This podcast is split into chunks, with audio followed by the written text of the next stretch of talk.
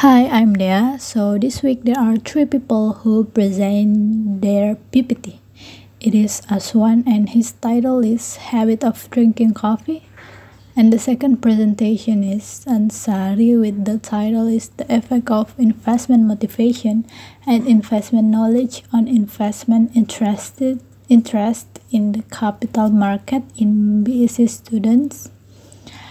And it, it is also me I'm the last presentation presenter here, and my title is the use of English slang in social media.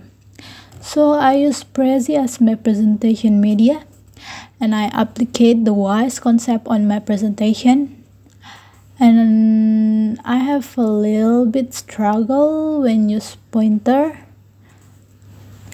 And at the end of my presentation, there are many questions that given to me. In my slide, there are some slides that I forgot to edit it, but overall, I'm glad that I have finished my presentation well. So that's all from me. Thank you for listening.